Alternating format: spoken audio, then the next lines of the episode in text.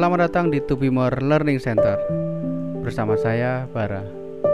Saya akan melanjutkan membacakan sebuah buku berjudul Meditation Karya Marcus Aurelius Yang diterbitkan oleh Naura Books.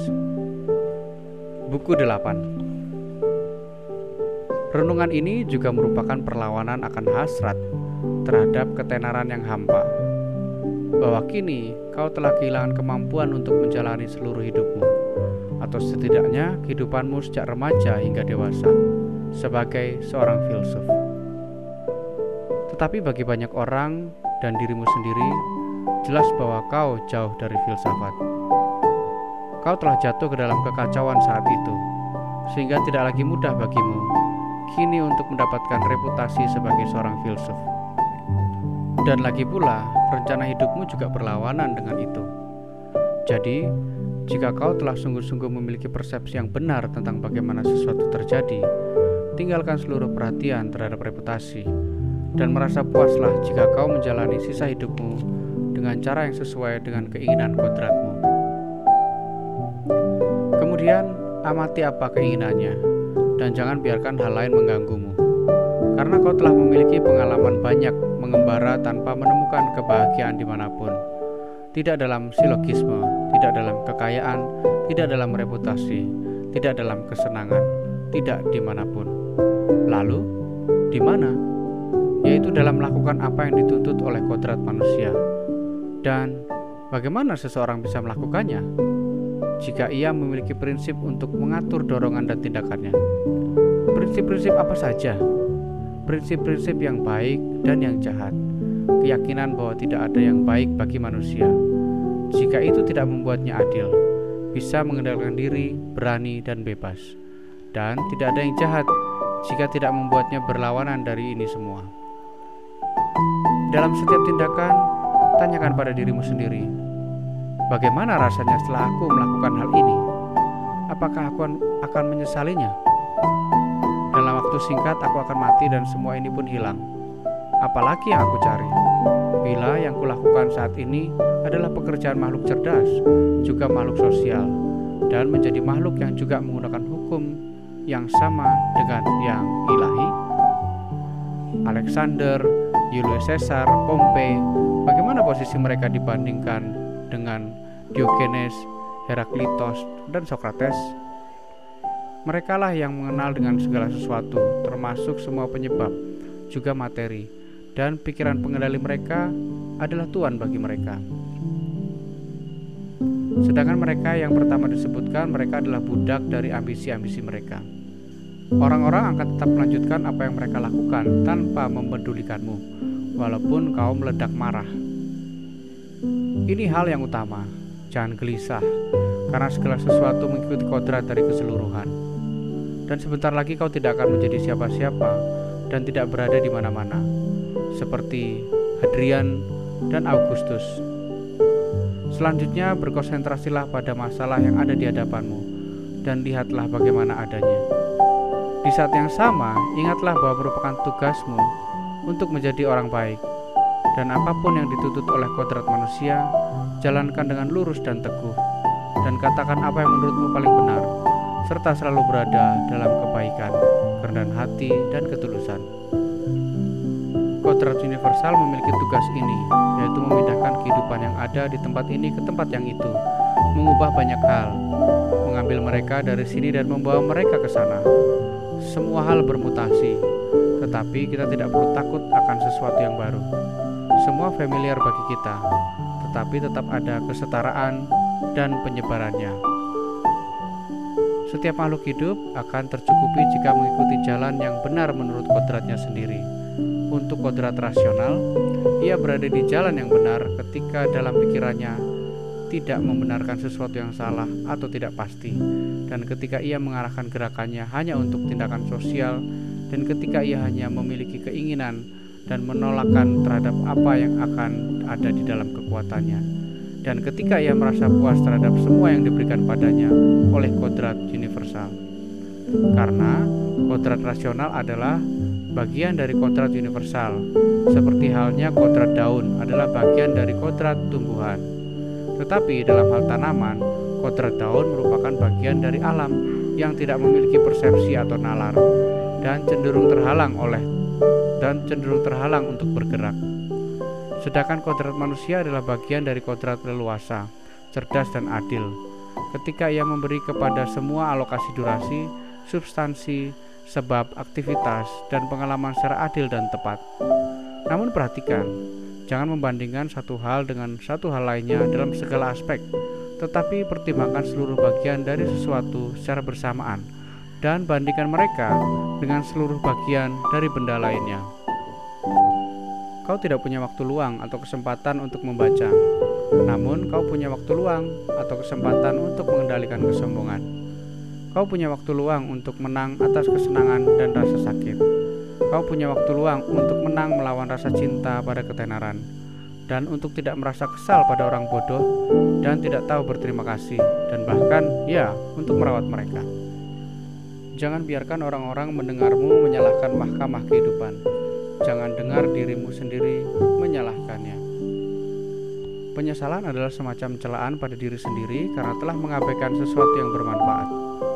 Yang baik haruslah sesuatu yang bermanfaat, dan orang yang sepenuhnya baik harus menjaganya. Namun, tidak ada orang seperti itu yang akan menyesal karena telah menolak kenikmatan. Karena kenikmatan bukanlah sesuatu yang baik, juga bukan sesuatu yang bermanfaat. Benda apakah itu di dalam dirinya, di dalam konstitusinya sendiri? Apa unsur substansi dan materialnya? Dan apa penyebabnya? Dan apakah sebenarnya fungsinya di dunia? Lalu, seberapa lama hal tersebut akan bertahan? Ketika kau bangun tidur dengan enggan, ingatlah bahwa melakukan tindakan sosial itu sesuai dengan konstitusi dan kodrat manusia. Sedangkan makhluk-makhluk yang tidak rasional, tidur pun adalah hal biasa.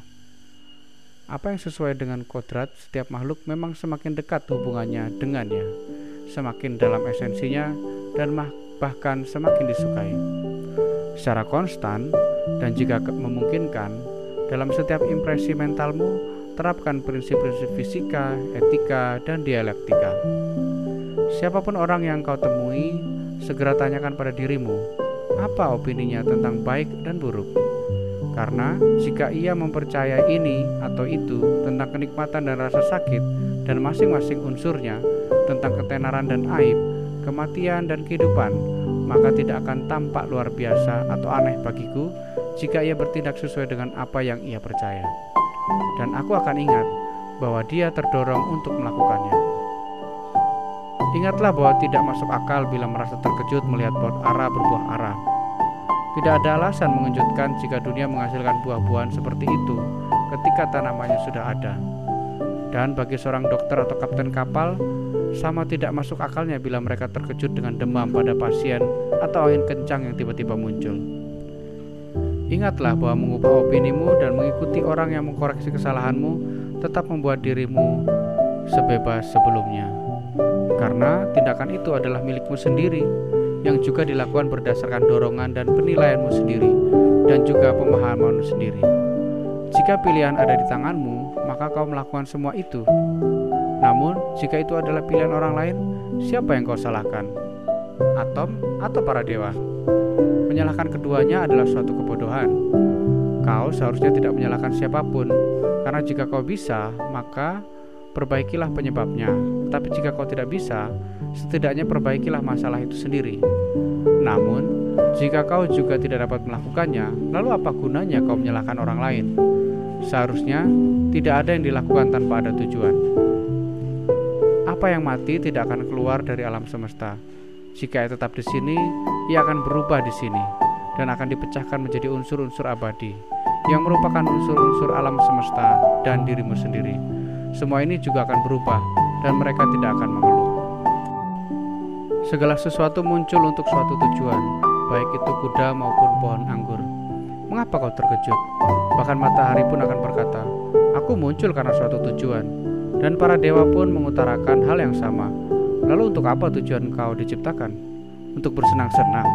Mari kita lihat apakah akal sehat bisa menerimanya. Allah memiliki tujuan dalam segala hal, termasuk untuk akhir dari segalanya.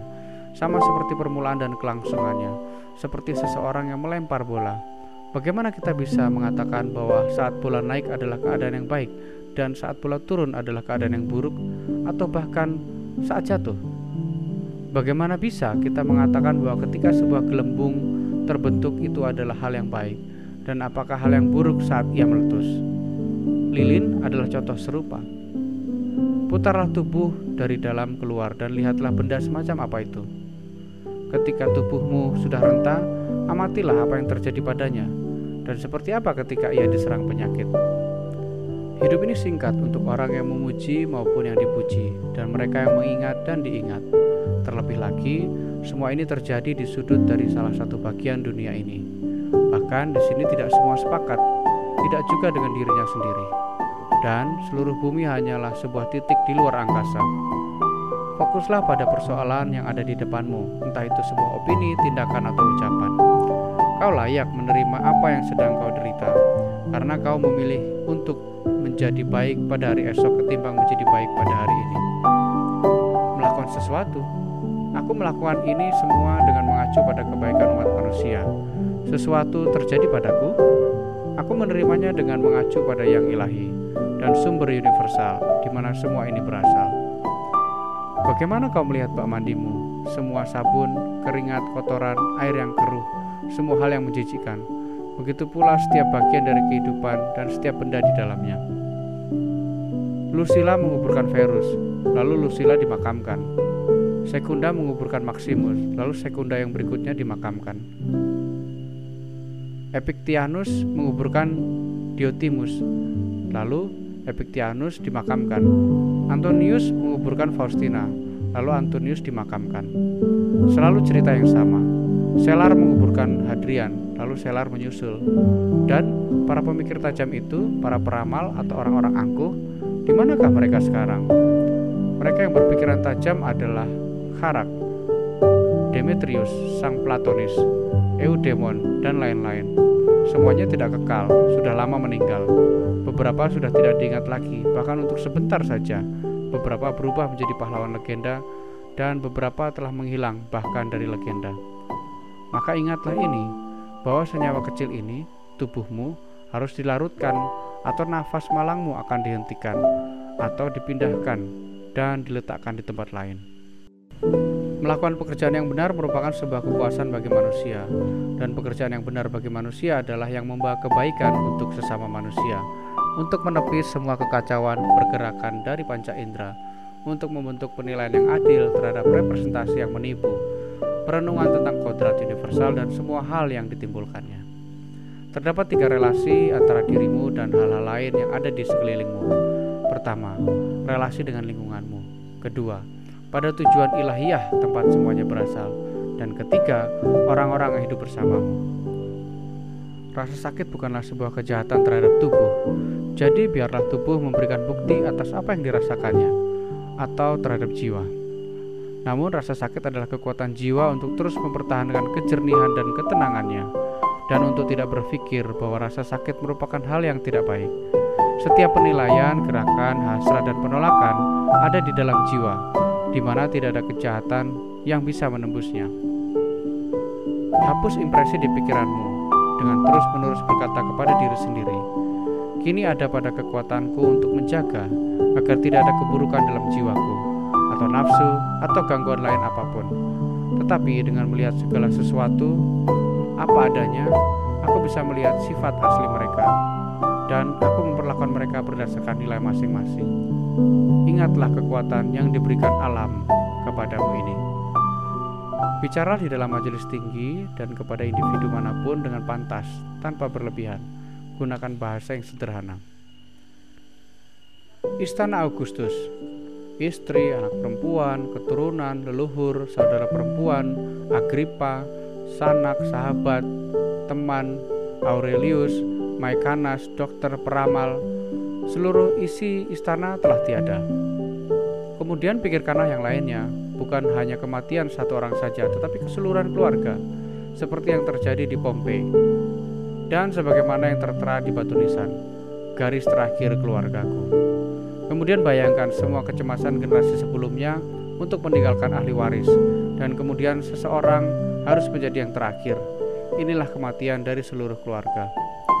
Tugasmu lah untuk mengatur hidupmu dengan baik dalam setiap tindakan, dan jika setiap tindakan mencapai tujuannya sendiri sebaik mungkin, berpuas dirilah. Dan tidak ada yang dapat mencegahmu agar setiap tindakan tidak mencapai tujuannya. Tapi akan ada beberapa kendala eksternal. Tidak ada yang akan menghalangimu untuk bertindak dengan adil, tenang, dan penuh perhatian. Tapi mungkin beberapa sumber tindakan lain akan dihalangi. Baiklah, tetapi dalam kerelaan menerima rintangan apa adanya dan dengan rasa puas untuk mengalihkan tenagamu untuk hal yang lebih memungkinkan, maka kesempatan lain untuk bertindak akan segera menggantikan dan menyesuaikan dengan komposisi hidupmu seperti yang sudah dibahas. Terima kekayaan dan kesejahteraan dengan rendah hati dan bersiaplah untuk melepaskannya. Bila kau pernah melihat tangan yang dipotong atau kaki atau kepala yang dipenggal berserakan terlepas dari sisa tubuhnya, ini adalah apa yang dilakukan seseorang terhadap dirinya sendiri sejauh yang ia bisa. Ketika ia tidak puas dengan nasibnya dan memisahkan dirinya dari masyarakat atau melakukan tindakan yang tidak bersifat sosial. Andaikan kau telah membuat dirimu dikucilkan dari kesatuan alam, padahal kau diciptakan sebagai bagian dari alam, tetapi sekarang kau telah memisahkan diri. Namun, di sinilah letak ketetapan yang indah, bahwa kau memiliki kemampuan untuk menggabungkan diri kembali dengan kesatuan itu. Yang ilahi tidak memberikan hak istimewa seperti ini pada bagian lain, setelah dipisahkan dan dipotong, untuk berkumpul bersama lagi. Pertimbangkan saja kemurahan Sang Ilahi khusus untuk manusia. Dia telah meletakkan dalam kekuatan manusia untuk tidak dipisahkan dari keseluruhan sejak awal. Dan juga jika seseorang telah terputus dari kesatuannya, ia diizinkan untuk kembali, dipersatukan dan melanjutkan perannya sebagai bagian dari anggota. Sebagaimana kodrat keseluruhan telah memberikan kekuatan kepada setiap makhluk rasional, sebagaimana adanya, maka kita pun menerima kekuatan yang sama pula. Dengan cara yang sama, alam semesta mengubah dan memperbaiki dalam skema yang ditakdirkan apa pun yang menghalangi dan bertentangan, dan menjadikannya bagian dari dirinya sendiri. Demikian pula, makhluk rasional pun mampu membuat semua hambatan menjadi materi yang dapat ia kembangkan lebih lanjut, serta untuk menggunakannya untuk tujuan-tujuan yang sesuai dengan rancangannya. Jangan buat dirimu terganggu dengan memikirkan seluruh hidupmu, Jangan biarkan pikiranmu merangkul berbagai masalah yang mungkin akan terjadi padamu. Namun, tanyakan saja pada dirimu sendiri dalam setiap kejadian di saat ini. Apa yang ada dalam pekerjaan ini dan tidak dapat kulakukan atau kupikul? Maka, kau akan malu untuk mengakuinya. Kemudian, ingatkan dirimu bahwa bukan masa depan atau masa lalu menyakitimu, tetapi hanya masa kini. Namun, rasa sakit ini menjadi berkurang jika saja kau dapat mengisolasinya dan menegur pikiranmu saat tidak dapat menahan sesuatu yang telah dilucuti. Apakah Pantea atau Pergamus masih duduk di batu nisan Verus? Apakah Kabrian maupun Diotimus duduk di penanda makam Hadrian? Hal tersebut sungguhlah konyol. Bagaimanakah mereka bisa duduk di situ? Apakah orang mati akan sadar? Jika mereka sudah mati tersebut sadar, apakah mereka akan senang? Jika mereka senang, apakah hal tersebut membuat pelayat mereka abadi? Bukankah sudah suratan takdir nasib mereka bahwa mereka tersebut sudah seharusnya menjadi perempuan, tua atau laki-laki renta, kemudian mereka pun meninggal dunia? Dan dengan kematian, apa yang akan dilakukan oleh mereka yang berduka? Yang tersisa adalah bau yang menusuk dan kerusakan di sekantong tulang. Jika kau bisa melihat dengan tajam, maka lihat dan pertimbangkanlah kata sang filsuf. Di dalam ketentuan dari makhluk yang rasional, aku tidak melihat adanya keutamaan yang bertentangan dengan keadilan, tetapi aku melihat lawan dari kesenangan, pengendalian diri. Kau tidak menghilangkan opinimu terhadap apa pun yang tampaknya menyakitkan. Dirimu sendiri akan cukup kebal terhadap rasa sakit. Siapa yang dimaksud dengan diri? Nalar. Tapi aku bukan hanya nalar, Memang, jadi biarlah nalarmu tidak menimbulkan rasa sakit dan jika beberapa bagian dari dirimu bermasalah, mereka dapat membentuk penilainya sendiri. Hambatan untuk persepsi indera berbahaya bagi kodrat hewani. Hambatan terhadap dorongan juga berbahaya bagi kodrat hewani. sesuatu yang lain akan sama-sama menghalangi dan berbahaya bagi tumbuhan. Oleh karena itu, rintangan bagi pikiran berbahaya bagi sifat cerdas. Maka terapkanlah semua ini pada dirimu sendiri. Apakah rasa sakit atau kenikmatan mempengaruhi dirimu? Ini untuk panca indera. Kau telah membuat dorongan kemudian menemukan hambatan. Jika ini adalah tujuan tanpa syarat, maka ya, halangan itu merugikan kodrat rasionalmu. Tetapi jika kau menerima apa yang merupakan pengalaman umum, belum ada kerugian atau halangan yang terjadi. Kau paham? Jika tidak ada orang lain yang akan menghalangi fungsi pikiran yang benar, pikiran tidak dapat disentuh oleh api, baja, tirani, fitnah, atau apa pun setelah menjadi putaran sempurna dalam kesendirian. Aku tidak punya alasan untuk menyakiti diriku sendiri karena aku tidak pernah secara sadar menyakiti orang lain. Setiap orang merasa gembira atas hal yang berbeda-beda. Kegembiraanku adalah jika aku menjaga pikiran pengendaliku tetap sehat tanpa berbalik dari manusia atau apa pun yang terjadi pada manusia. Tetapi melihat dan menerima semua hal dengan mata yang ramah dan menggunakan segala sesuatu sesuai dengan nilainya. Pastikan kau menyimpan momen masa kini untuk dirimu sendiri. Mereka yang lebih memilih mengejar ketenaran setelah mati tidak memperhitungkan bahwa generasi berikutnya akan memiliki orang-orang seperti orang yang tidak mereka sukai sekarang, dan mereka juga akan mati. Lalu, apa artinya bagi generasi masa depan menyorakan ini dan itu, atau memiliki penilaian seperti ini atau seperti itu tentang dirimu? Angkat dan lempar aku ke mana saja sesukamu karena di mana pun aku mendarat, aku akan menjaga agar yang ilahi di dalam diriku bahagia, puas, yaitu jika ia bisa merasakan dan bertindak mengikuti konstitusinya sendiri. Apakah keadaan yang berubah merupakan alasan bagi jiwaku untuk merasa tidak bahagia dan lebih buruk dari sebelumnya? Murung, memiliki nafsu keinginan, malu, dan ketakutan? Apakah yang akan kau temukan sebagai alasan yang bagus untuk itu? Tidak ada yang dapat terjadi pada manusia mana pun di luar pengalaman yang alami bagi manusia. Seekor lembu juga tidak mengalami sesuatu yang asing dengan kodrat lembu. Tanaman merambat tidak asing dengan kodrat tanaman merambat. Tidak ada bagi batu sesuatu yang asing di luar kodrat sebuah batu. Jadi, jika yang terjadi pada setiap benda dan makhluk itu adalah biasa dan alami baginya, mengapa kau harus mengeluh? Kodrat universal tidak akan memberikan apa pun yang tidak dapat kau tanggung. Jika kau tersakiti oleh hal-hal eksternal, sebenarnya bukan hal itu yang mengganggumu, tetapi penilaianmu sendiri terhadapnya, dan kau memiliki kemampuan untuk menghapusnya sekarang. Namun, jika sesuatu dalam sikapmu sendiri membuatmu tertekan, maka tidak ada yang bisa menghentikanmu untuk mengkoreksi pandanganmu. Dan bahkan, jika kau merasa tertekan karena tidak melakukan sesuatu yang menurutmu tepat, mengapa tidak bertindak saja daripada berkeluh kesah? Tetapi ada rintangan di jalan yang terlalu kukuh untuk dipindahkan. Sebenarnya tidak ada alasan untuk menjadi susah, karena alasan kegagalan tidak terletak padamu. Tapi hidup tidak layak dijalani jika aku gagal dalam hal ini. Kalau begitu, tinggalkan hidup ini. Anggun dalam kematian seperti orang yang mencapai tujuan, dan dalam damai juga dari mereka yang menghalangi jalanmu. Ingatlah bahwa pikiran pengendalimu menjadi tak terkalahkan ketika ia puas pada dirinya sendiri saat ia dapat menguasai diri. Jika ia tidak melakukan apa pun yang tidak ingin dilakukannya, bahkan jika ia bersikeras melakukan sesuatu yang tidak masuk akal, akan jadi seperti apa ketika ia menilai dan dibentuk masuk akal dan dilakukan dengan hati-hati. Karena itu, pikiran yang terbebas dari nafsu adalah benteng, karena tidak ada tempat yang lebih kuat dari itu untuk berlindung dan seseorang yang berlindung di sini tak akan menjadi bisa dikalahkan.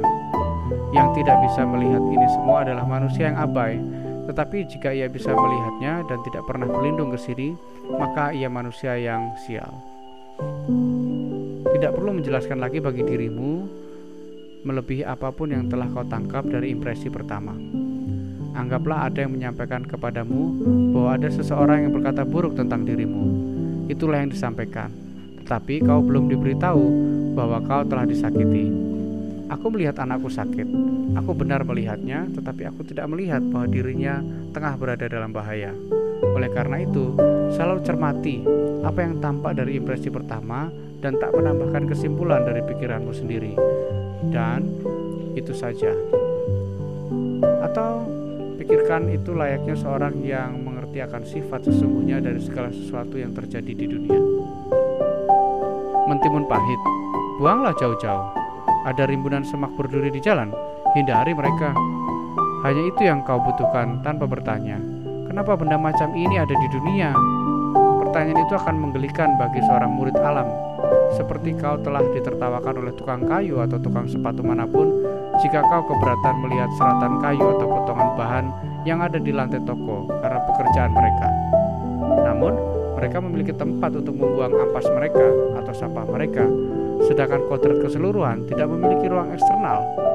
Namun, yang menakjubkan dari keahliannya adalah Walaupun ia menetapkan batasan-batasan sendiri, semua di dalamnya yang tampak membusuk, menua, dan kehilangan kegunaannya akan dia daur ulang dari bahan yang sama menjadi sesuatu yang baru dalam dirinya sendiri.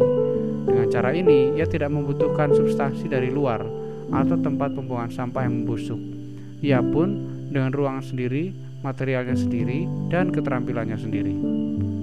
Jangan lambat dalam bertindak, kacau dalam komunikasi, atau samar-samar dalam berpikir Jangan biarkan di dalam jiwamu ada perdebatan batin atau pencurahan pikiran yang berlebihan. Jangan terlalu sibuk hingga kau tak punya waktu luang. Anggaplah orang-orang membunuhmu, memotong-motongmu, mengutukmu. Apa yang bisa dilakukan hal-hal ini untuk mencegah pikiran tetap murni, waras, sadar, dan adil? Contohnya, jika seseorang berdiri di samping mata air yang jernih dan murni, kemudian mengutuknya, mata air tersebut tidak akan berhenti mengeluarkan air yang baik untuk diminum dan jika orang itu melempar lumpur dan kotoran ke dalamnya, maka dalam sekejap mata air akan membuatnya terpencar, mencucinya dan tidak mengambil warnanya darinya. Lalu bagaimana kau mendapat memiliki mata air yang kekal dan bukan sekedar sumur? Dengan menjaga dirimu sendiri sepanjang waktu untuk berkomitmen pada kebebasan, kesederhanaan dan kesopanan. Manusia yang tidak tahu bahwa ada alam semesta yang teratur, tidak tahu di mana ia berada. Manusia yang tidak tahu apa tujuan alam semesta tidak tahu siapa dirinya dan apakah alam semesta itu. Seseorang yang gagal dalam salah satu dari ini juga tidak dapat mengetahui tujuan dari keberadaannya sendiri. Lalu, apa pendapatmu tentang dirinya yang menghindari atau justru mencari pujian dari penonton yang bertepuk tangan dengan riuh rendah dari mereka yang tidak tahu di mana mereka berada atau siapa diri mereka? Apakah kau berharap juga untuk dihujani pujian oleh seseorang yang mengutuk dirinya sendiri tiga kali setiap jam? Apakah kau ingin menyenangkan seseorang yang tidak bisa membuat dirinya sendiri merasa senang? Apakah seseorang bisa menyenangkan dirinya sendiri jika ia menyesali hampir semua hal yang ia lakukan? Jangan lagi anggap tindakan bernafas hanya sekedar kesepakatan dengan udara sekitar, tetapi biarkan juga pikiranmu berada dalam harmoni dengan pikiran yang merangkul segalanya kekuatan pikiran menyebar ke mana-mana dan menyerap segala sesuatu bagi orang yang ingin menyerapnya, seperti udara bagi mereka yang ingin menarik nafas. Secara umum, kejahatan tidak membahayakan alam semesta sama sekali, khususnya kejahatan seorang individu tidak merugikan individu lain. Itu berbahaya bagi pelakunya yang memiliki pilihan untuk menyingkirkannya segera setelah ia sendiri memutuskan. Bagi kehendakku yang menentukan, kehendak tetanggaku sama netralnya seperti tarikan nafas dan tubuhnya. Kita dibentuk dengan khusus untuk menjadi bermanfaat bagi orang lain. Tetapi pikiran pengendali masing-masing dari kita memiliki kedaulatannya sendiri. Karena jika tidak, maka segala kejahatan yang dilakukan oleh tetanggaku akan membuatku merasa tersakiti. Dan ini bukan maksud yang ilahi, agar kemalanganku tidak bergantung pada orang lain. Matahari tampak seolah-olah ditumpahkan sebegitu rupa sehingga cahayanya membanjir dan di semua arah pun sinarnya terpendar, tetapi tidak meredup. Ketika cahaya berpendar, maka secara esensi cahaya tersebut menjangkau secara lebih luas. Karena itulah sinarnya terus menjangkau, rentangannya meraih ke berbagai tempat sebegitu rupa. Orang bisa menilai apakah yang disebut dengan cahaya. Begitu dirinya melihat sinar matahari memasuki ruang gelap melalui celah yang sempit.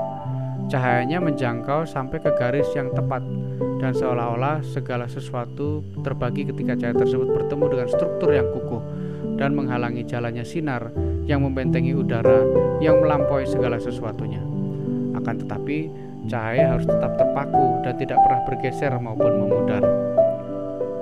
Hal serupa akan terjadi pada aliran yang difusi, pikiran universal, dan bukan aliran yang tidak ada habisnya, melainkan radiasi yang konstan. Dan tidak akan ada kekuatan dan kekerasan dalam pengaruhnya terhadap rintangan yang ditemuinya. Ia juga tidak akan jatuh, tetapi akan menetap dan menerangi apa pun yang menerimanya. Segala sesuatu yang tidak memantul akan menghilangkan cahayanya sendiri. Ia yang takut akan kematian merasa takut mengalami kehilangan sensasi atau jenis sensasi lain yang berbeda. Namun, jika kau tidak lagi mengalami sensasi, maka kau tidak akan merasa sakit. Dan jika kau ingin mendapatkan sensasi yang berbeda, maka kau akan menjadi makhluk yang berbeda dan kau tidak akan berhenti hidup. Manusia hidup demi bermanfaat untuk satu sama lain. Jadi ajari mereka atau bertoleransilah. Seperti anak panah yang bergerak ke satu arah. Demikian pula jalannya pikiran. Namun, bahkan ketika pemikiran kita selalu berjalan, sebagaimana benak kita menerapkan kehati-hatian atau berputar-putar menyelidik, pikiran bergerak secara langsung dan langsung menuju sasarannya. Masukilah alam pemikiran rasional manusia lain dan juga berikan kesempatan kepada orang-orang lain untuk masuk ke dalam alam pikiranmu. Bersambung ke buku 9. Terima kasih sudah mendengarkan audiobook ini. Bagikan jika bermanfaat.